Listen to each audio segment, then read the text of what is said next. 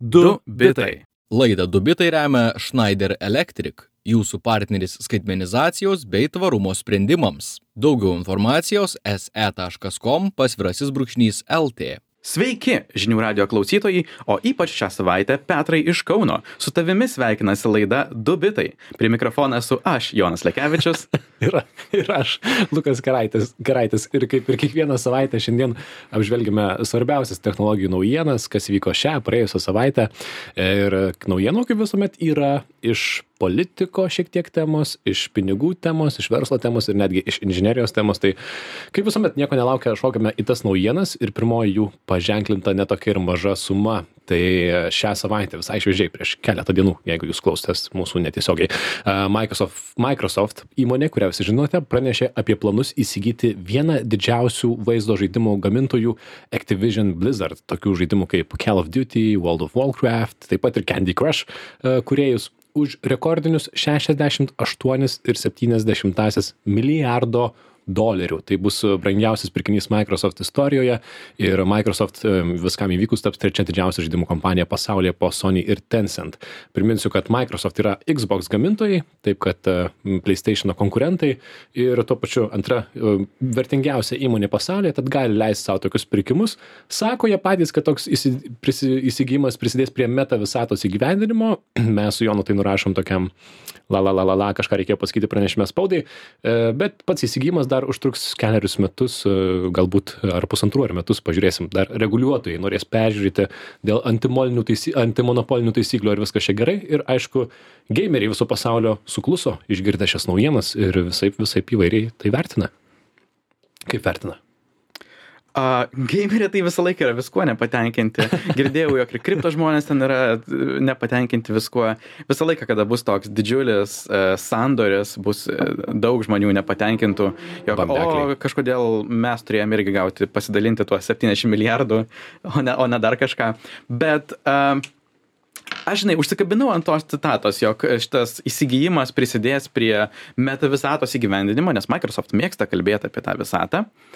Ir mano nuomone čia yra tiesiog toks apvilktas korporatyvinis bulšitas nesąmonės šnekėjimas iš iš phil spencer ir satya nadella pusės nes jeigu jie iš tiesų norėtų investuoti į savo vartotojams skirtos o ne verslams skirtos meta visatos kūrimą tai jie darytų kažką panašaus kaip daro unity ir pirktų tam skirtus kitus įrankius, e, pavyzdžiui, kaip Weta.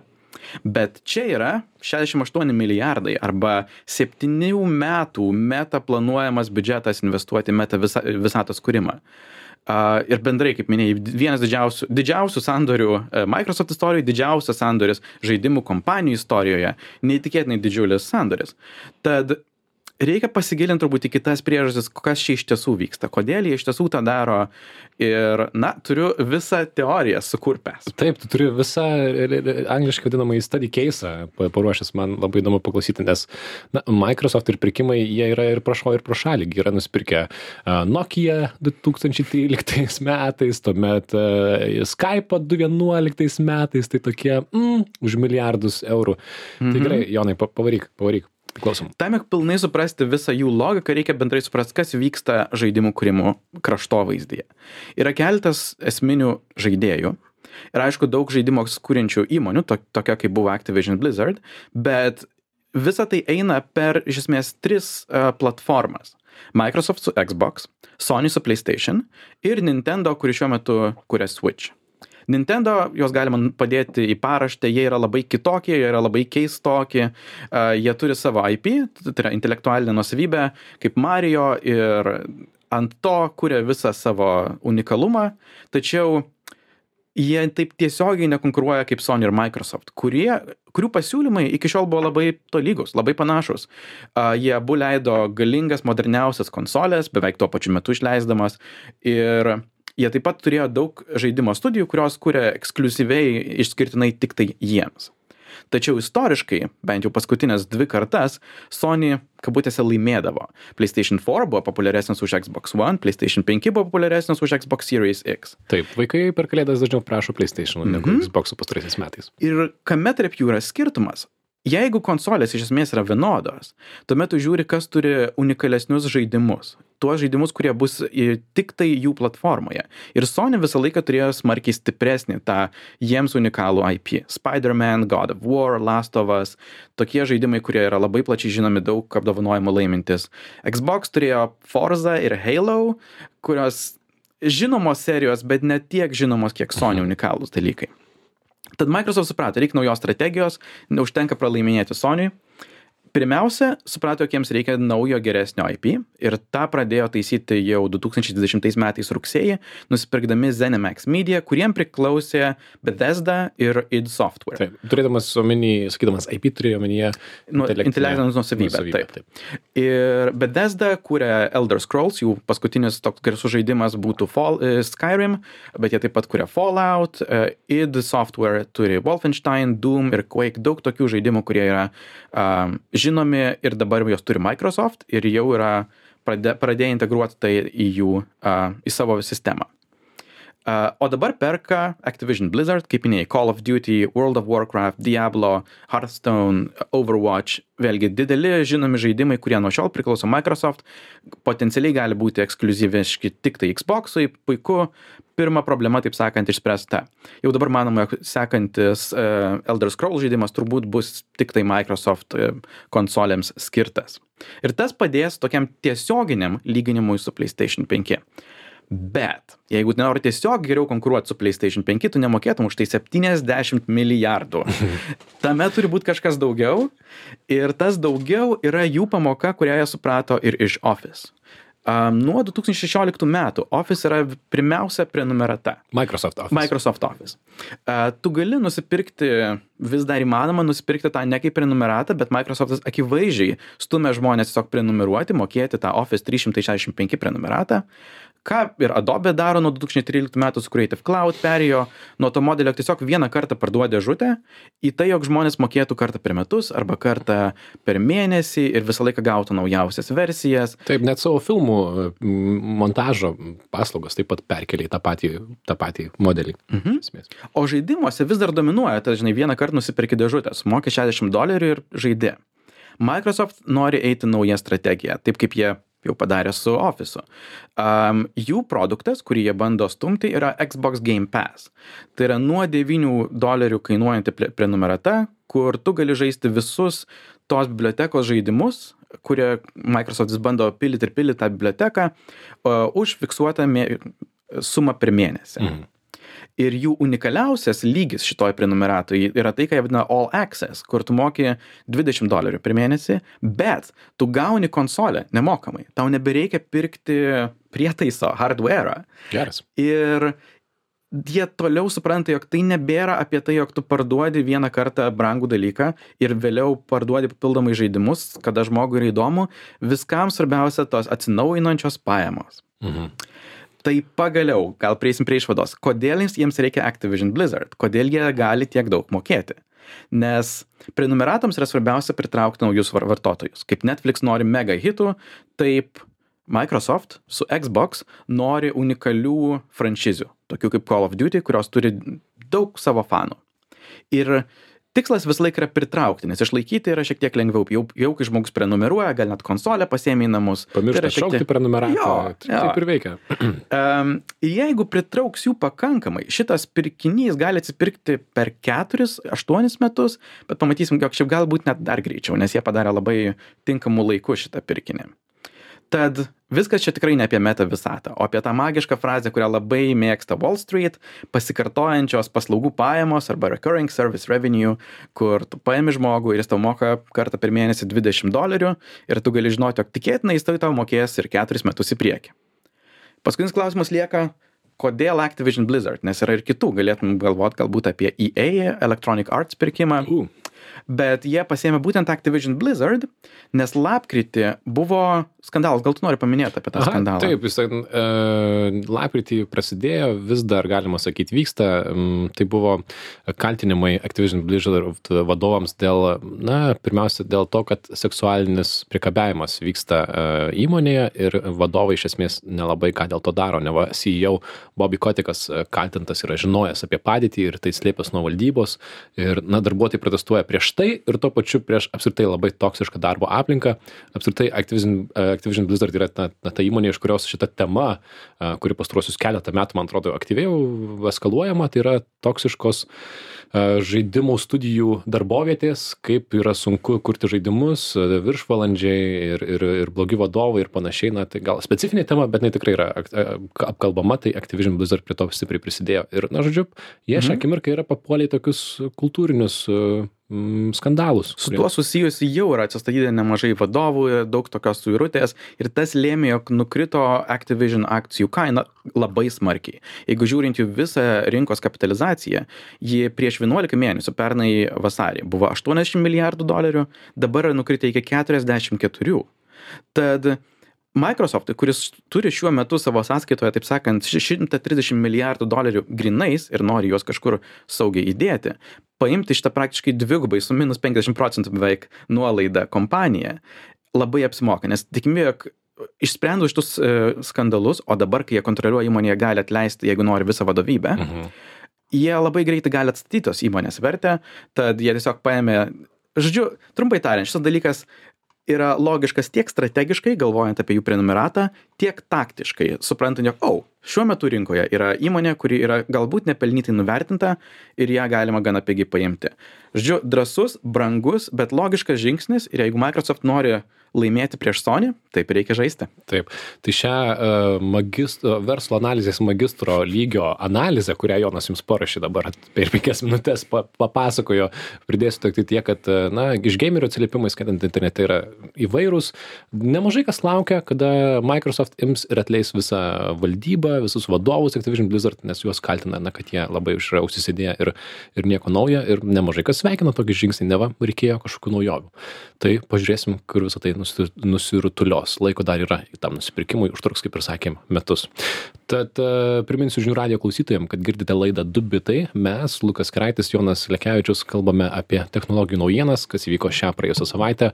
Pakalbėjome apie Microsoft e, pirkimą Activision Blizzard e, žaidimo gamintojus o kita tema em, kita naujiena galbūt kažką apie tai girdėjote greičiausiai girdėjote per, per visas naujienas apie tai buvo šiek tiek minima.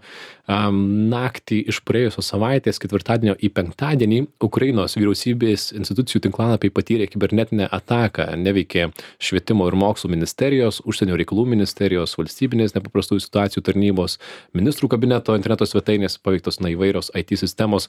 Kijevo teigimu ataką galėjo organizuoti rusija pastaroji tai neigia. Ir dar viena ataka buvo įvykdyta pirmadienį ir ukrainos saugumo tarnyba nurodė kad per ataką buvo paveikta iš viso per septyniasdešimt vyriausybės tinklalapių.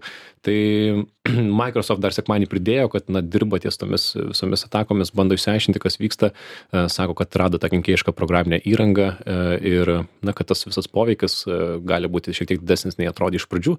Tai visą politiką padėjus į šalį, nes tikrai yra apie kas apie tai kalba, e, įdomu pati, pats atakos pobūdis, kadangi buvo, program, na, buvo užkrusti kompiuteriai uh, fake ransomware attack tai įvyko, tai netikra ransomware ataka ir mes tai vadinsime ransomware, nes tai lietuviškai būtų išpirkos reikalaujančio kenkėjiško programinio kodo šeimai priskiriamas virusas.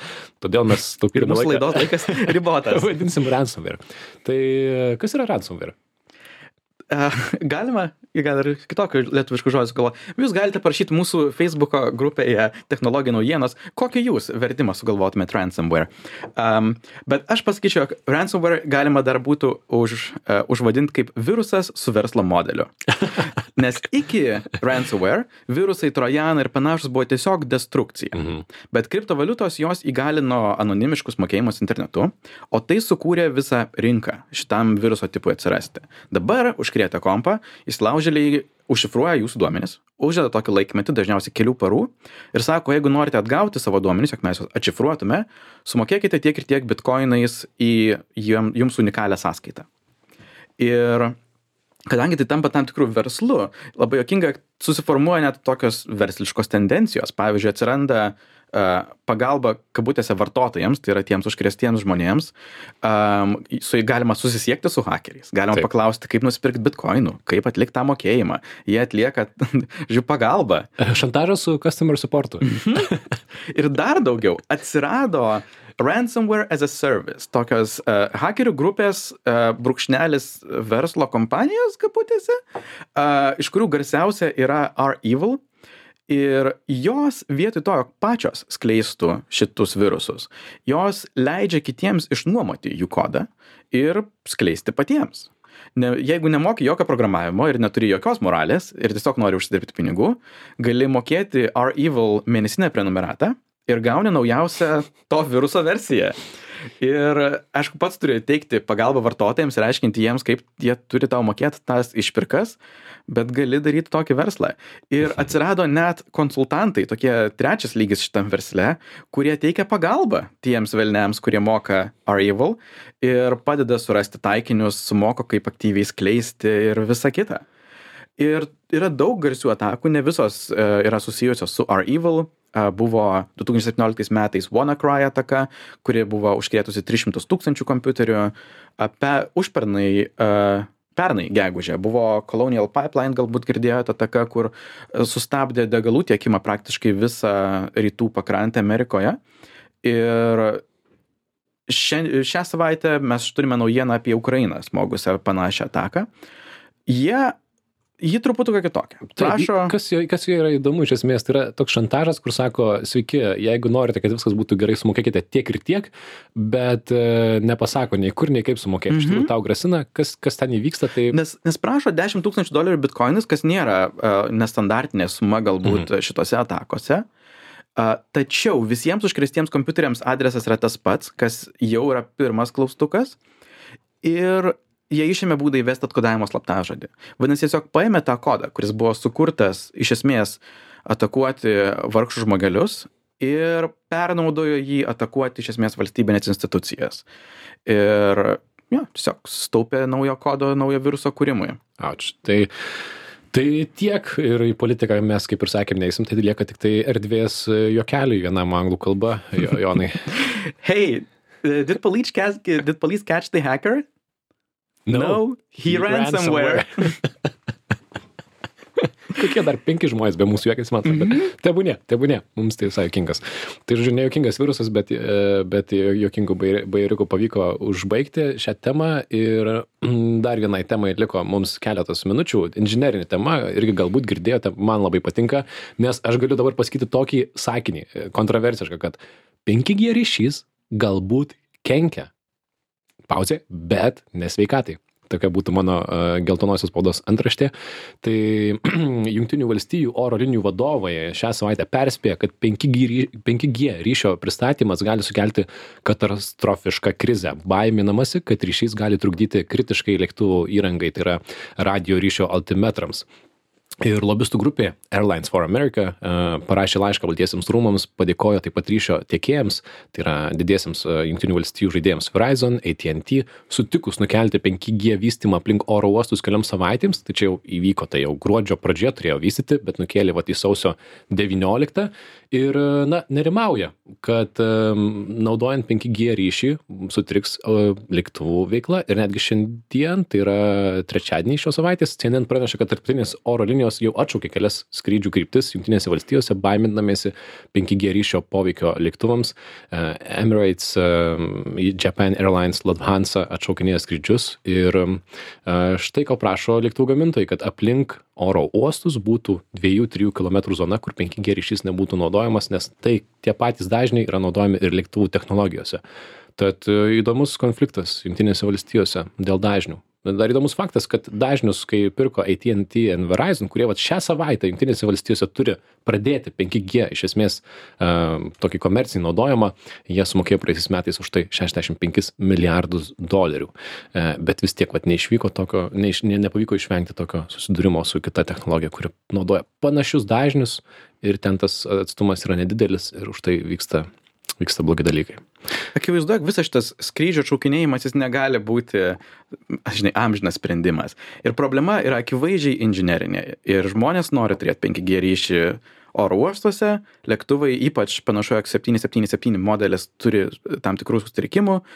Aš manau, jog šita problema turbūt ir bus išspręsta inžinerinėme lygyje, o ne a, ryšio kažkokiu būdu blokavimu ar limitavimu oro uostuose. Turbūt tiesiog laiko klausimas, kol kažkas pasikeis. Ar ar lėktuvai bus pakeisti, ar, ar bus kažkokie priedėliai pridėti, bet aš ne, neįsivaizduoju, jog šita problema tęstųsi, žinai, dar penkis metus į ateitį. Taip, ir yra kas sako, kad, na jau, šiaip oro linijos turėjo bent porą metų e, laiko prisitaikyti, derinti viską, bet jos, na, laukia paskutinės akimirkos ir šią akimirką tokiais savo gana skandalingais e, pasisakymais, kad štai sustos visa komercija Junktinių valstijų, jeigu niekas nepadės jiems, jie tiesiog bando pristraukti finansavimą, kuris padėtų išspręsti šią inžinerinę problemą.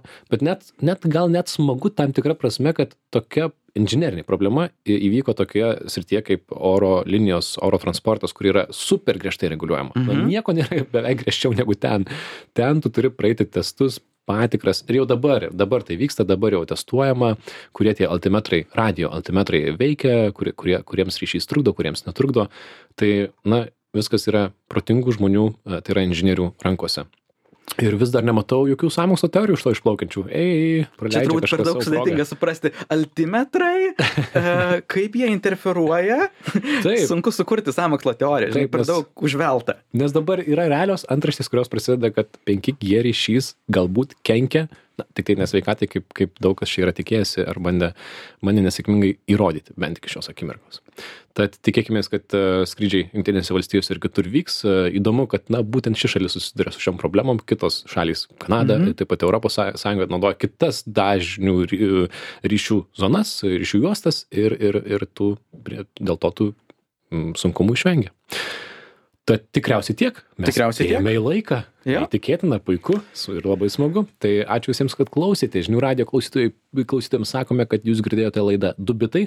Um, kaip visuomet galite dubitai.com viską pamatyti, mūsų šaltinius paskaityti, iš kur mes naujienas renkame, technologijų naujienos Facebook grupė, kurioje mes kartais nuo karto papostinam. Ir sugrįšime kitą savaitę. Lukas Karaitis ir Jonas Lekevičius. Atsisveikinam. Iki. Iki.